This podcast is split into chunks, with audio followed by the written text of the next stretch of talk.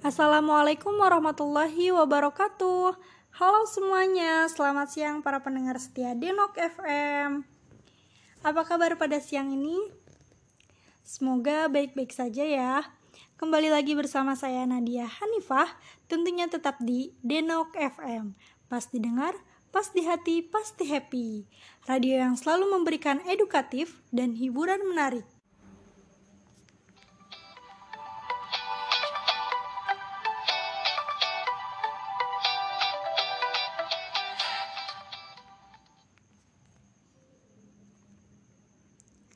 Sejumlah informasi dan lagu-lagu yang telah disiapkan oleh tim Denok FM untuk menemani suasana di siang hari para pendengar selama satu jam ke depan. Jika Anda memiliki kritik dan saran, bisa hubungi 0858 8854 2021. Saya ulangi ya, 0858 8854 2021. Sebelum lanjut pada informasi yang akan disampaikan pada siaran kali ini, kita dengarkan sebuah lagu dulu yuk. Selamat mendengarkan.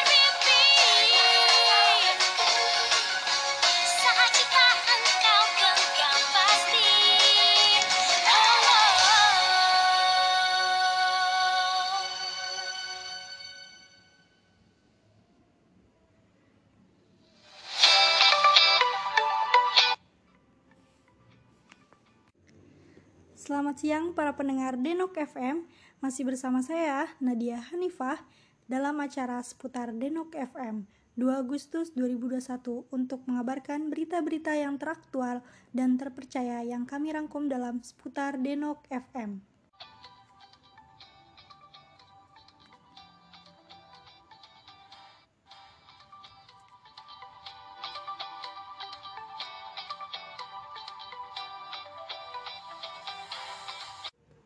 Berita pertama datang dari Jakarta, CNN Indonesia. kasus positif virus corona atau COVID-19 bertambah menjadi 49.509 pada hari ini, Kamis 22, 22 Juli 2021.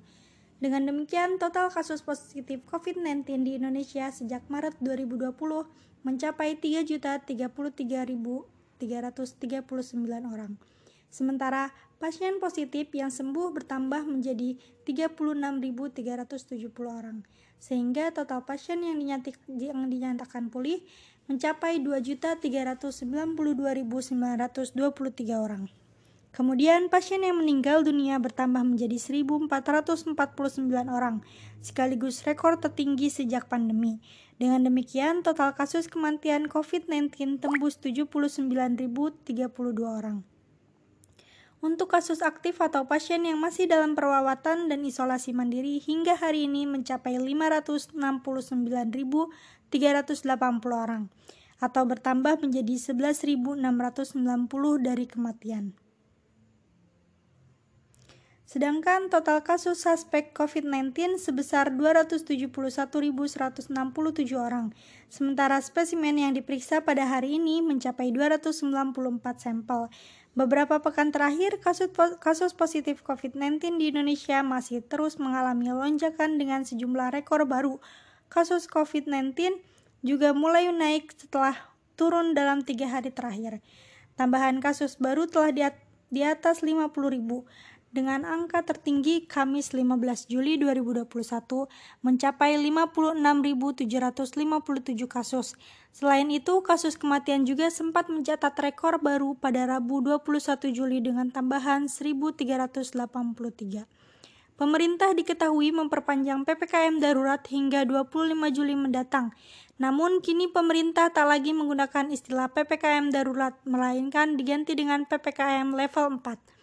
Hal itu sesuai dengan instruksi Menteri Dalam Negeri nomor 22 tahun 2021 tentang pembelakuan pembatasan kegiatan masyarakat level 4 COVID-19 di wilayah Jawa dan Bali.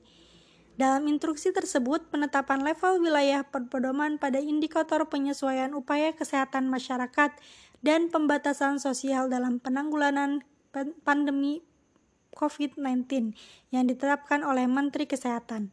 Presiden Joko Widodo atau Pak Jokowi menyatakan pembukaan akan dilakukan bertahap mulai 26 Juli apabila terjadi penurunan kasus. Meskipun demikian, Ketua Satgas COVID-19 Pengurus Besar Ikatan Dokter Indonesia atau PBID, Zubairi Jurban menilai PPKM level 4 perlu diperpanjang terus apabila dinamika kasus harian COVID-19 tak kunjung turun. Zubairi menyebutkan, Perpanjangan PPKM darurat ke PPKM level 4 sudah tepat dilakukan oleh pemerintah. Dia mengingatkan laju penularan kasus COVID-19 di tanah air dalam sepekan terakhir relatif masih tinggi. Lalu pada Kamis 29 Juli 2021 waktu Indonesia Barat, PPKM diperpanjang lagi hingga 2 Agustus. Pemberlakuan pembatas, pembatasan kegiatan masyarakat atau PPKM diperpanjang hingga 2 Agustus mendatang. Tidak dalam kategori darurat, tetapi pada level 4. Pemerintah menilai PPKM telah menunjukkan hasil meskipun belum yang terbaik. Oleh karena itu, PPKM dilanjutkan sambil terus dievaluasi. Koordinator Tim Pakar dan Juru Bicara Pemerintah untuk Penanganan COVID-19, Wiku Adhisa Smito, menyampaikan penerapan PPKM darurat secara bertahap telah menunjukkan hasil. Mobilitas warga berkurang dan jumlah kasus harian COVID-19 turun. Namun demikian, untuk memastikan kasus dapat sepenuhnya terkendali, maka dibutuhkan upaya dan kerja keras yang lebih kuat lagi. Oleh karena itu, pemerintah dan seluruh elemen masyarakat agar berupaya keras agar secepatnya lonjakan kasus di Indonesia ini dapat segera landai dan terkendali, kata Wiku Selasa 20 Juli 2021. Dari Jakarta, Gubernur Anies Baswedan mengatakan usaha melandaikan kurva kasus COVID-19 dengan PPKM ini mulai member memberikan hasil yang positif. Antrian IGD sudah terurai, tapi tempat tidur kamar isolasi dan ICU masih padat. Tren penurunan terlihat nyata, tapi situasi masih jauh dari ideal. Anies meminta masyarakat tidak cepat puas karena positif rate DKI Jakarta masih 25 persen, jauh di atas rekomendasi ideal WHO, yaitu di bawah 5 persen. Anies mendorong masyarakat lebih taat aturan PPKM level 4 dan protokol kesehatan. Menaati PPKM dan protokol kesehatan bisa dilakukan dengan tetap tetap di rumah sambil menunggu hingga situasi membaik. Anda bisa merencanakan staycation atau traveling ke berbagai destinasi Indonesia di masa mendatang dengan terus berdoa agar COVID-19 ini cepat usai. Lalu pada tempo.co Jakarta angka kasus kematian akibat COVID-19 di Indonesia masih tinggi dalam empat terakhir ini atau pada periode 26 sampai 29 Juli 2021. Pada hari pertama perpanjangan PPKM level 4 atau pada 26 Juli tercatat kasus kematian akibat COVID-19 bertambah 1487 sehingga total kasus kematian pada hari itu mencapai 84.766 orang. Provinsi Jawa, Jawa Timur menjadi daerah penyumbang kasus kematian akibat COVID-19 tertinggi dengan 371 orang per hari. Sedangkan di urutan kedua adalah Jawa Tengah dengan 270 orang dan Jawa Barat 226 orang. Pada 27 Juli, kasus kematian bertambah 2069 orang yang membuat jumlahnya bertambah lagi menjadi 86.835 orang. Memasuki 28 Juli, angka kematian ada kisaran 1.824 kasus. Dengan penambahan ini, jumlah orang meninggal karena COVID-19 di Indonesia mencapai 88.659 kasus. Terakhir pada 29 Juli, kasus kematian bertambah 1.893 orang, sehingga totalnya 90.552 orang. Sebanyak tiga provinsi menyumbang angka kasus harian kematian akibat COVID-19 terbanyak hari ini. Di urutan pertama adalah Jawa Tengah dengan 679 orang, Jawa Timur dengan 337 orang, dan Jawa Barat dengan 210 orang. Juru bicara Satuan Tugas Penanganan COVID-19, Wiku Adhisa Smito, mengatakan kasus kematian sepanjang Juli 2021 merupakan paling tinggi selama pandemi COVID-19 melanda Indonesia. Selama dua minggu ke belakang, kasus kematian bertambah lebih dari seribu orang per hari, kata Wiku da dalam konferensi pers pada Kamis 29 Juli 2021. Bahkan 27 Juli lalu, angka kematian mencapai 2.000. Ia mengatakan pada Juli 2021 ada 30.168 orang meninggal. Angka ini sangat tinggi mengingat sebelumnya pada Juli ada 7.913 kematian, kata Wiku. Satgas COVID-19 mencatat ada 10 provinsi penyumbang angka tertinggi pasien COVID-19 yang mereka adalah Jawa Tengah, Jawa Timur, DKI Jakarta, Kalimantan Timur, dan Yogyakarta. Kemudian Riau, Bali, Sulawesi, Kalimantan Tengah, dan Sumatera Selatan.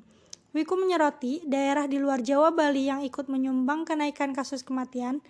Hal ini seharusnya menjadi alarm karena sebagian besar tidak menjalankan PPKM level 4, kata Wiku.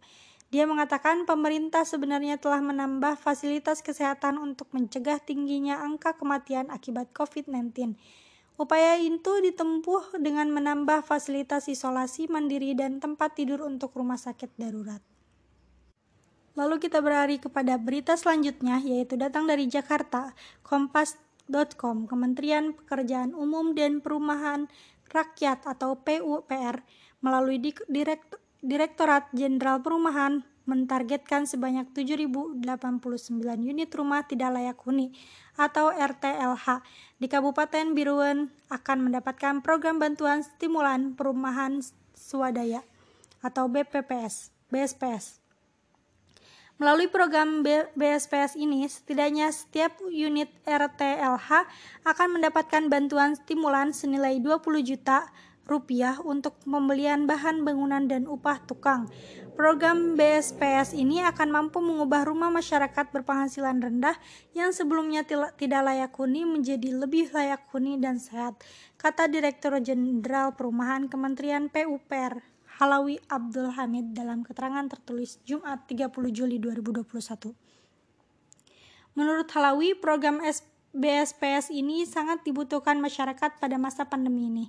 Hasil pembangunan program BSPS atau yang lebih dikenal sebagai program bedah rumah adalah rumah yang memenuhi persyaratan keselamatan bangunan, kecukupan minimum luas bangunan, dan kesehatan penghuninya. BSPS sendiri merupakan bagian dari program sejuta rumah dan merupakan bantuan pemerintah yang diperuntukkan bagi masyarakat berpenghasilan rendah atau MBR untuk mendorong dan meningkatkan keswada keswadayaan dalam peningkatan kualitas rumah serta prasarana sarana dan utilitas lainnya. Beberapa kriteria masyarakat penerima BSPS antara lain adalah WNI yang sudah berkeluarga, memiliki atau menguasai tanah dengan hak yang sah, menempati satu-satunya rumah tidak layak huni, belum pernah memperoleh program BSPS atau bantuan pemerintah program perumahan, memiliki penghasilan di bawah upah minimum provinsi, provinsi atau UMP, masyarakat yang dibentuk kelompok dan mendapat pendampingan dan dari tim pendamping atau tenaga fasilitator, fasilitator lapangan atau TFL program BSPS dalam pelaksanaan pembangunan rumahnya. Pelaksanaan pekerjaan dilakukan secara bergotong royong dengan skema padat karya tunai atau PKT. Untuk mengurangi angka pengangguran serta mempertahankan daya beli di tengah pandemi COVID-19. Dalam pelaksanaannya, kami juga menghimbau agar masyarakat maupun tenaga pendamping masyarakat untuk tetap menjaga protokol kesehatan, meskipun jumlah bantuan yang diberikan tidak terlalu besar, namun kami ingin agar masyarakat bisa tinggal di rumah impiannya dengan keswadayaan yang dimilikinya. Tutur Halawi. Sementara itu, Kepala Balai Melaksana Penyediaan Perumahan Sumatera, Direktur Direktorat Jenderal Perumahan Kementerian PUPR, Tengku Faisal Riza mengungkapkan pada tahun ini, pihaknya siap menyalurkan dana program BSPS ke 7.800 ke 7.089 unit RTLH di Kabupaten Birun. Lokasi pelaksanaannya akan tersebar di 9 kecamatan di Kabupaten Birun, antara lain Pandrah, Pam, Mamplam, Simpang Mamplam, Pesangan, Pesangan Selatan, Pesangan Siblah Keroeng Makmur, Pel Pelimbang, dan Samalanga. Kami juga terus mendorong pemerintah daerah untuk dapat mereplikasikan program perumahan sejenis di wilayahnya dan mendorong lembaga-lembaga yang peduli terhadap perumahan untuk mengalokasikan dananya untuk membangun atau memperbaiki RTLH di wilayahnya masing-masing, ujar dia. Adapun jumlah bantuan program BSPS yang ada yang akan diberikan kepada masyarakat sebesar 20 juta rupiah per unit dan jumlah bantuan tersebut merupakan dana untuk bahan bangunan sebesar 17 juta, 5 juta dan pembayaran upah kerja tukang sebesar 2,5 juta. Lalu berikutnya kita akan beranjak kepada berita olahraga. Tapi sebelumnya kita dengarkan dulu lagu berikut ini. Selamat mendengarkan.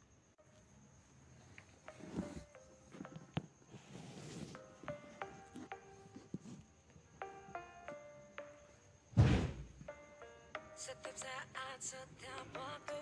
Keringat basahi tubuh Ini saat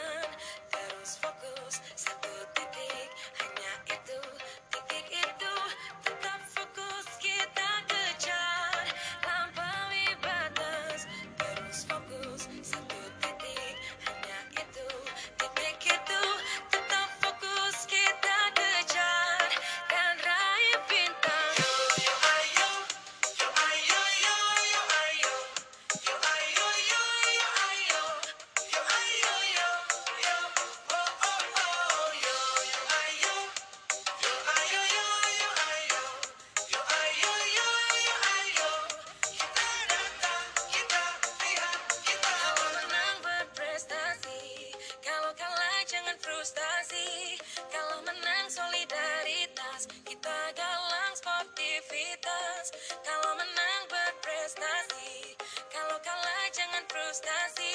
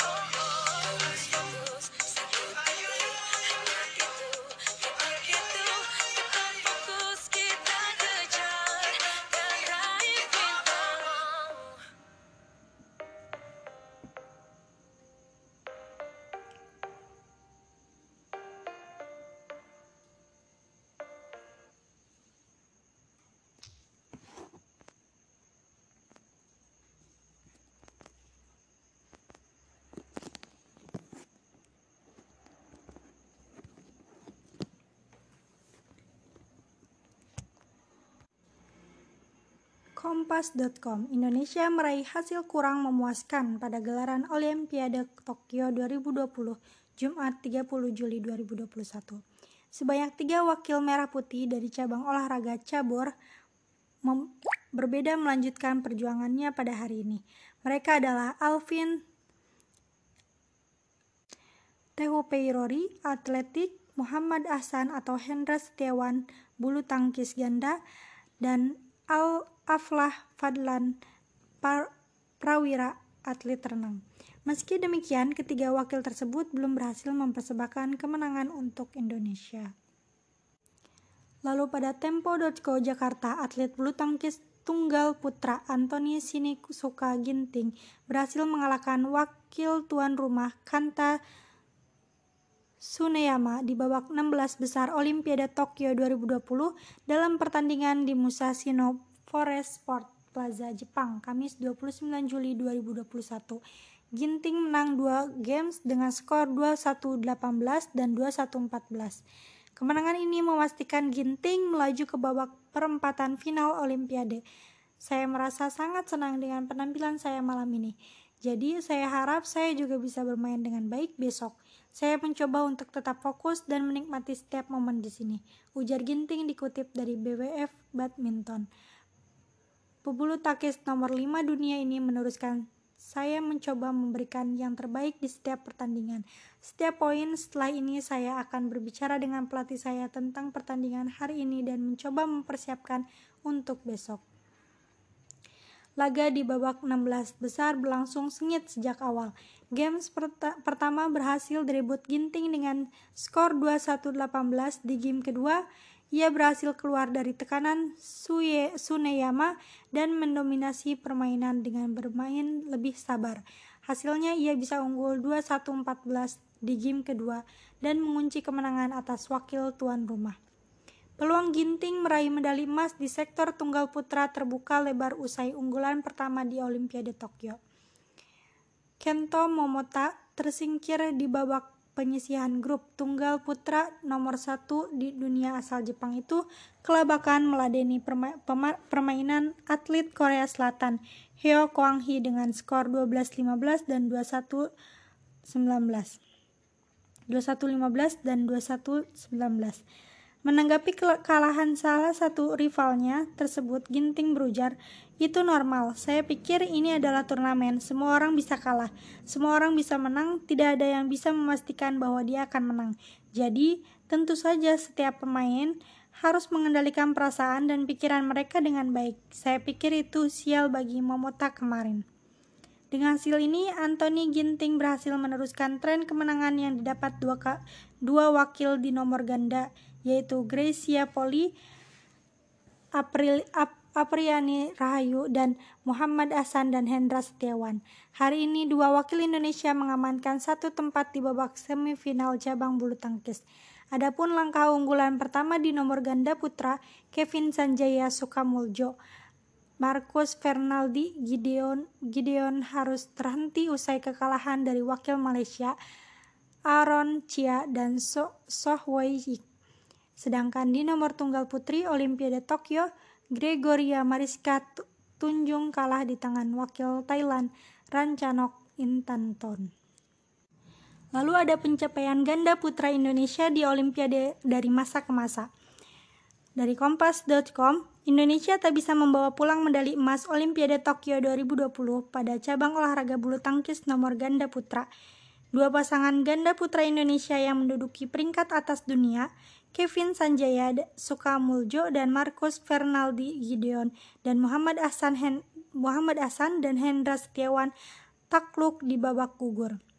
The Minions, julukan Kevin atau Marcus, tumbang dari pasangan Malaysia Aaron Chia dan Soh Wei Yik dengan skor 14-21 dan 17-21 pada laga di Musa, Musa, Musashino Forest Sport Plaza Tokyo Kamis 29 Juli 2021. Mereka kalah dalam fase gugur, tepatnya perempatan final. Sementara Muhammad Ahsan dan Hendra Setiawan takluk pada semifinal di tangan wakil Cina, Taipei Liang dan Wang Chilin pada Jumat 30 Juli 2021. The Daddies julukan Muhammad Ahsan dan Hendra Setiawan kalah dua set langsung dengan skor 11-21 dan 10-21. Asan dan Hendra masih punya kesempatan meraih medali perunggu pada Sabtu 31 Juli 2021. Sebagai informasi, Liang Liang dan Wang Chilin juga mampu mengalahkan The Minions pada babak penyisihan grup A Olimpiade Tokyo 2020 cabur bulu tangkis ganda putra.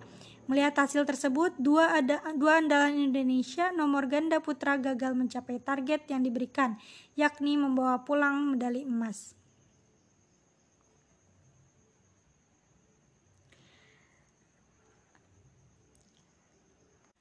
Pencapaian ganda putra bulu tangkis di Indonesia pada ajang Olimpiade Barcelona 19, 1992 yang, yang diwakili oleh Rudi Gunawan dan Edi Hartono dan Riki Ahmad Subagja dan Reksi Main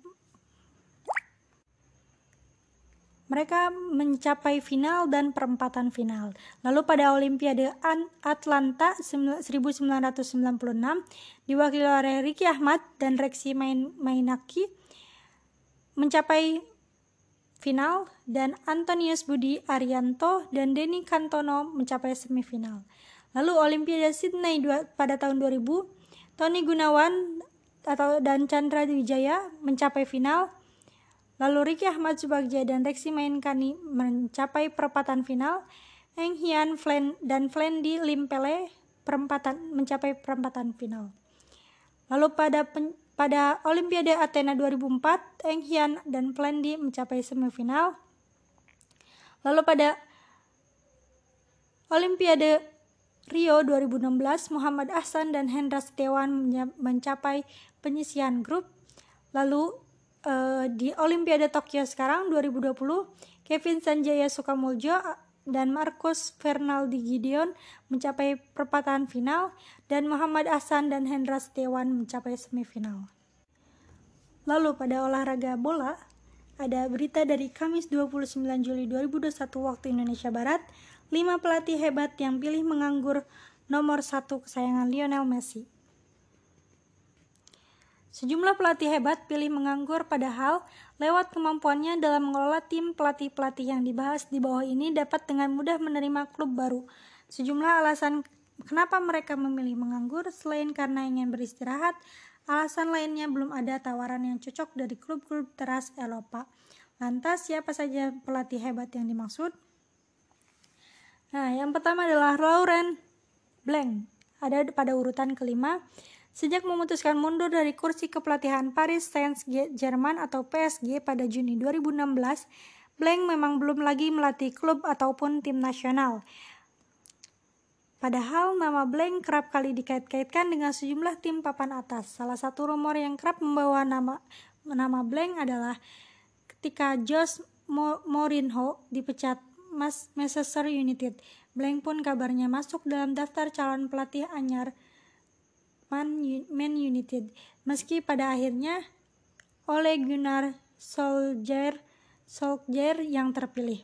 Dengan gaya melatih dan pengalamannya menangani pemain bintang, Blank diyakini layak membesut tim-tim papan atas saat ini.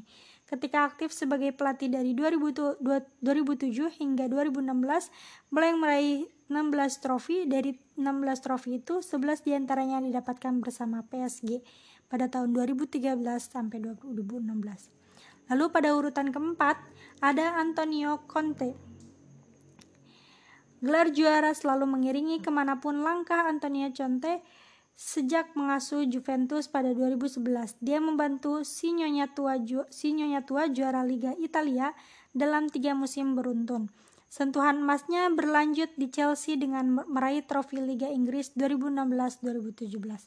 Musim lalu Musim lalu Conte meng mengantar Inter Milan mereng merengkuh Scudetto pertama sejak 2009-2010. Dia mengundurkan diri gara-gara perbedaan visi dengan manajemen klub pada akhir musim. Lalu pada urutan ketiga ada Zinedine Zidane. Riwayat Zinedine Zidane sebagai pelatih memang baru sebatas Real Madrid, namun dia punya tangan dingin. Los, Blan Los Blancos di antara, di antaranya meraih tiga gelar Liga Cam, Li, Liga Champions dan dua trofi Liga Spanyol dalam dua periode berbeda. Zidane mengundurkan diri pada akhir musim 2020-2021 setelah sebelumnya pernah melakukan hal yang sama pada 2017-2018. Dia merasa sudah waktunya untuk melepas jabatan sebagai pelatih dan memilih menganggur. Rumor mengenai klub yang tertarik memakai jasanya terus berkembang. Kuat dugaan dia akan menganggur hingga panggilan dari Juventus atau timnas Prancis datang. Lalu pada urutan kedua ada Frank Lampard Frank Lampard sempat menjadi wajah segar di dunia sepak bola Inggris. Dia menjadi pelatih lokal pertama yang menangani klub papan atas dalam kurun satu dekade terakhir. Namun dia dilepas Chelsea pada Desember 2020 setelah mengabdi selama 1,5 tahun. Pengalaman singkat itu membuatnya digadang-gadang sebagai calon pelatih timnas Inggris menggantikan Gareth Southgate. Namun Lampard perlu bersabar karena kontrak Southgate baru habis usai Piala Dunia 2022.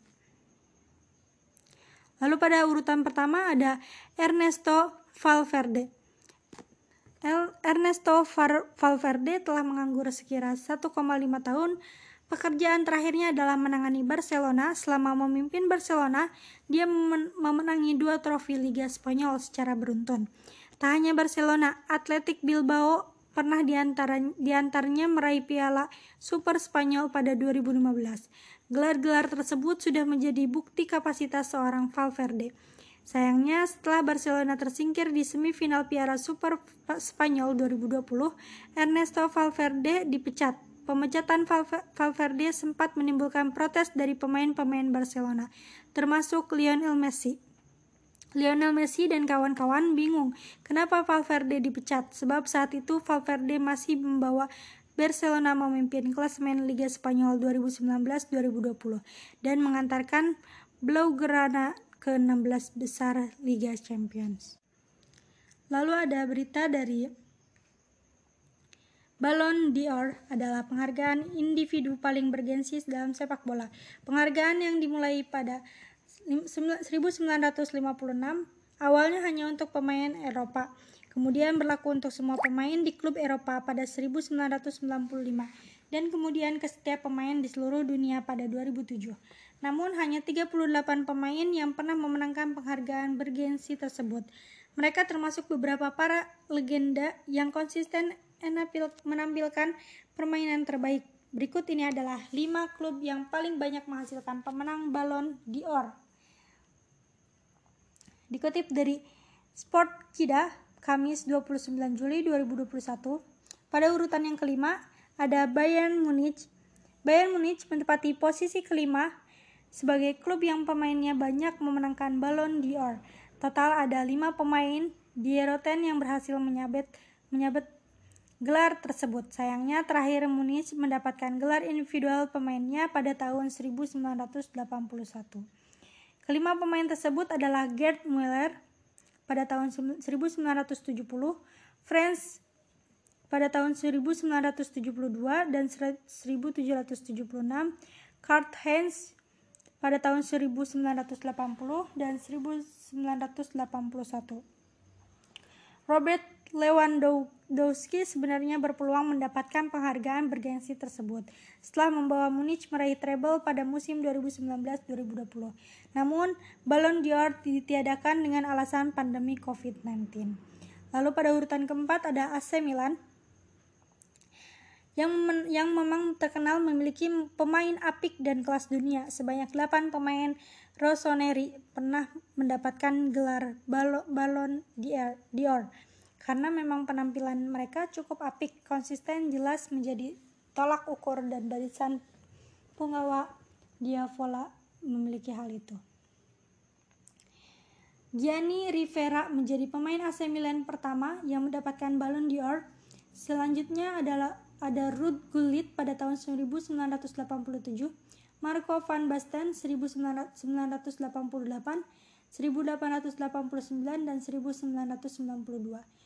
George Weah pada 1995, Henry pada tahun 2004, dan Ricardo Kakak pada tahun 2007. Lalu pada urutan ketiga ada Juventus.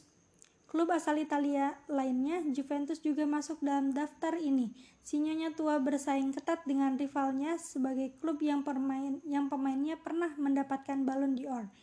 Para pemain yang pernah memperkuat Bianconeri telah mengangkat trofi sebanyak 8 kali. Mereka adalah Omar Sivori pada tahun 1961, Paolo Rossi pada 1982, Michel Platini pada tahun 1983, 1984 dan 1985. Roberto Maggio pada tahun 1993, Zinedine Zidane pada tahun 1998 dan Pavel Ned Ned Nedved pada tahun 2003. Lalu pada urutan kedua ada Real Madrid.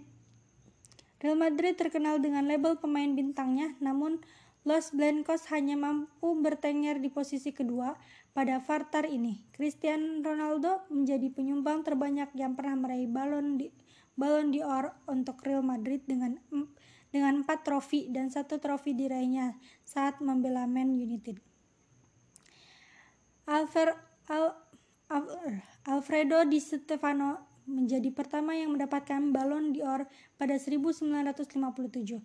Dilanjutkan Raymond Coppa pada pada tahun 1958, Alfredo Di, Di Stefano 1959, Luis Figo pada tahun 2000, Ronaldo Ruiz da Lima pada tahun 2002, Fabio Cannavaro 2006 dan Cristiano Ronaldo 2013, 2014, 2016, dan 2017.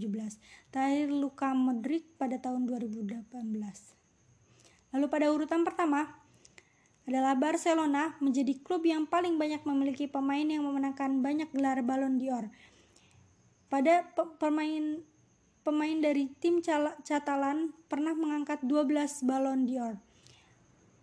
Yaitu di antaranya adalah Luis Suarez merupakan pemain Barca Bar Barca pertama yang mendapatkan penghargaan pada 1960. Lalu ada Johan Cruyff, Hristo Stoichkov, Rivaldo, Ronaldinho, Lionel Messi. Memenangkan pada tahun 2009, 2010, 2011, 2012, 2015, dan 2019.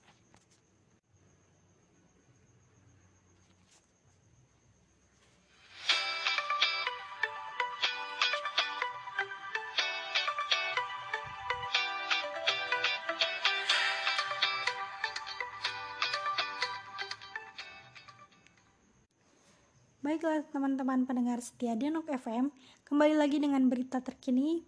Pada hari Kamis tanggal 8 Juli 2021, Brigjen TNI Ahmad Fauzi, SIPMM, selaku Komandon Korem 061 memantau kegiatan pelayanan vaksinasi untuk para alumni UIK yang tergabung yang tergabung dalam himpunan alumni dan Sivitas Akademi Universitas Ibnu Khaldun yang diselenggarakan di Makoyonif bersama Festival Merah Putih dan melibatkan adik-adik pramuka, pelaksanaan pelayanan vaksinasi di Kota Bogor yang berada khususnya di Makoyonif berjalan setiap hari mulai Senin sampai dengan Minggu tujuh hari berturut-turut. Dalam seminggu sampai saat ini berhasil memberikan pelayanan vaksin 60% kepada warga Kota Bogor dengan 28.000 peserta di seluruh wilayah jajaran Korem. Hal tersebut disampaikan oleh Jenderal Kopassus ini, dan kemudian Danrem menambahkan bahwa pelayanan vaksinasi ini adalah bentuk kontribusi TNI Angkatan Darat, khususnya Korem 061 garis miring SK ke kepada pemerintah dalam menanggulangi wabah pandemi COVID-19. Rencananya pada hari ini sebanyak 218 orang anggota himpunan alumni Wika akan mengikuti vaksinasi COVID-19 dan harapan kami semua berjalan dengan lancar. Dan selain dari WIKA, masyarakat Kota Bogor juga hadir untuk mengikuti vaksinasi. Bahkan mereka sudah datang sejak jam 03.00 waktu Indonesia Barat dan 04.00 waktu Indonesia Barat. Dini hari saking antusiasnya, ungkapnya. Ia berharap warga masyarakat Kota Bogor selain tetap mematuhi protokol kesehatan dengan menerapkan 5M juga mau mengikuti vaksinasi COVID-19. Hal tersebut tentunya agar terhindar dari penularan virus tersebut. Terkait kurangnya tenaga kesehatan di wilayah Kota Bogor, Wakil Wali Kota Bogor menjelaskan bahwa Pemkot Bogor telah membuka lowongan untuk tenaga kesehatan dan penunjang nakes. Dikarenakan saat ini tenaga kesehatan menjadi salah satu kendala dalam penanganan COVID-19 di Kota Bogor, oleh karena itu ia sangat berterima kasih kepada Danrem 06 061 yang telah memberikan bantuan vaksinasi untuk warga Kota Bogor ia berharap dengan wadahnya bantuan ini, maka pemberian vaksinasi COVID-19 dapat cepat terlaksanakan sesuai dengan yang diharapkan oleh Presiden. Pada pelaksanaan kegiatan vaksinasi tersebut, selain Danrem 061, didampingi Kasrem 061, Kolonel In Mahesa Fitriadi, Kasio Prem 061, Kolonel In Sigit Purwanto, dan Dekesya Bogor, hadir juga Wakil Wali Kota Bogor, kemudian Rektor UIK Bogor, Warek Bidang Kerjasama, Inovasi dan Pengembangan, Ketua HA UIK, Ketua HA IPB, Ketua Bobat, Ketua Panitia FMP, serta Kandik, kan, Kadinkes Kota Bogor. Nah, mungkin berita tadi akan menutup berita kali ini. Semoga yang mendengarkan mendapat pengetahuan dan bermanfaat bagi kita semua. Terima kasih untuk para pendengar setia yang telah mendengarkan siaran Denok FM. Jangan lupa tetap di rumah, patuhi protokol kesehatan dengan 5M, mencuci tangan, memakai masker, menjaga jarak, mengurangi mobilitas, dan memakan makanan yang sehat. Baiklah, terima kasih kepada para pendengar setia Denok FM yang masih setia mendengarkan siaran kali ini.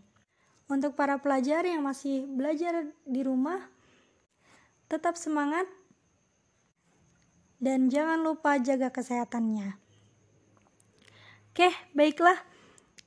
Terima kasih untuk para pendengar setia yang sudah mendengarkan dan terima kasih kepada produser Siti Nurfadilah yang telah menyusun pembicaraan kita kali ini dan operator Neneng Deviana Komalasari Fitri Kinanti, Oktav Novitasari, dan Hasbi Ainun Naim. Saya Nadia Hanifah, pamit undur diri. Jangan lupa untuk mendengarkan siaran Denok FM selanjutnya. Terima kasih. Wassalamualaikum warahmatullahi wabarakatuh.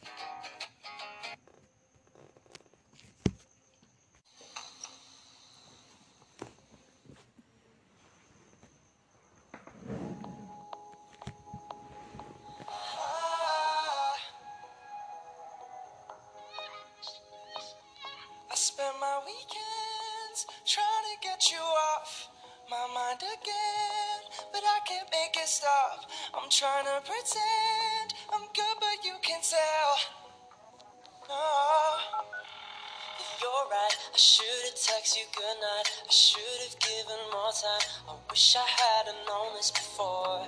But now I'm replaying our goodbye, but it wasn't a goodbye. I still hear you slamming the door. I Try to hit you up. You had enough. You're screaming at the phone. You don't know what you lost. I said I'm fine. I didn't care that much. But I realized when you hang up, I messed this up. Spend my weekends trying to get you off my mind again. But I can't make it stop. I'm trying to pretend I'm good, but you can tell. Cause you know me too, you know me too well. Oh, you know me too well. Ah, hey. And I could keep it to myself and bottle it all up inside. Baby, tell me why, oh, why would I try that? Cause you get me like no one else, there's no point in trying to hide. I know you know every time that I'm calling. I try to hit you up, but you've had enough. And you're screaming down the phone, you don't know what you lost. And I say I'm fine, I didn't care that much, no, no. But I realize when you hang up, I messed this up. I spend my weekends trying to get you off my mind again. But I can't make it stop. I'm trying to pretend I'm good, but you can tell. No, cause you know me too, you know me too well.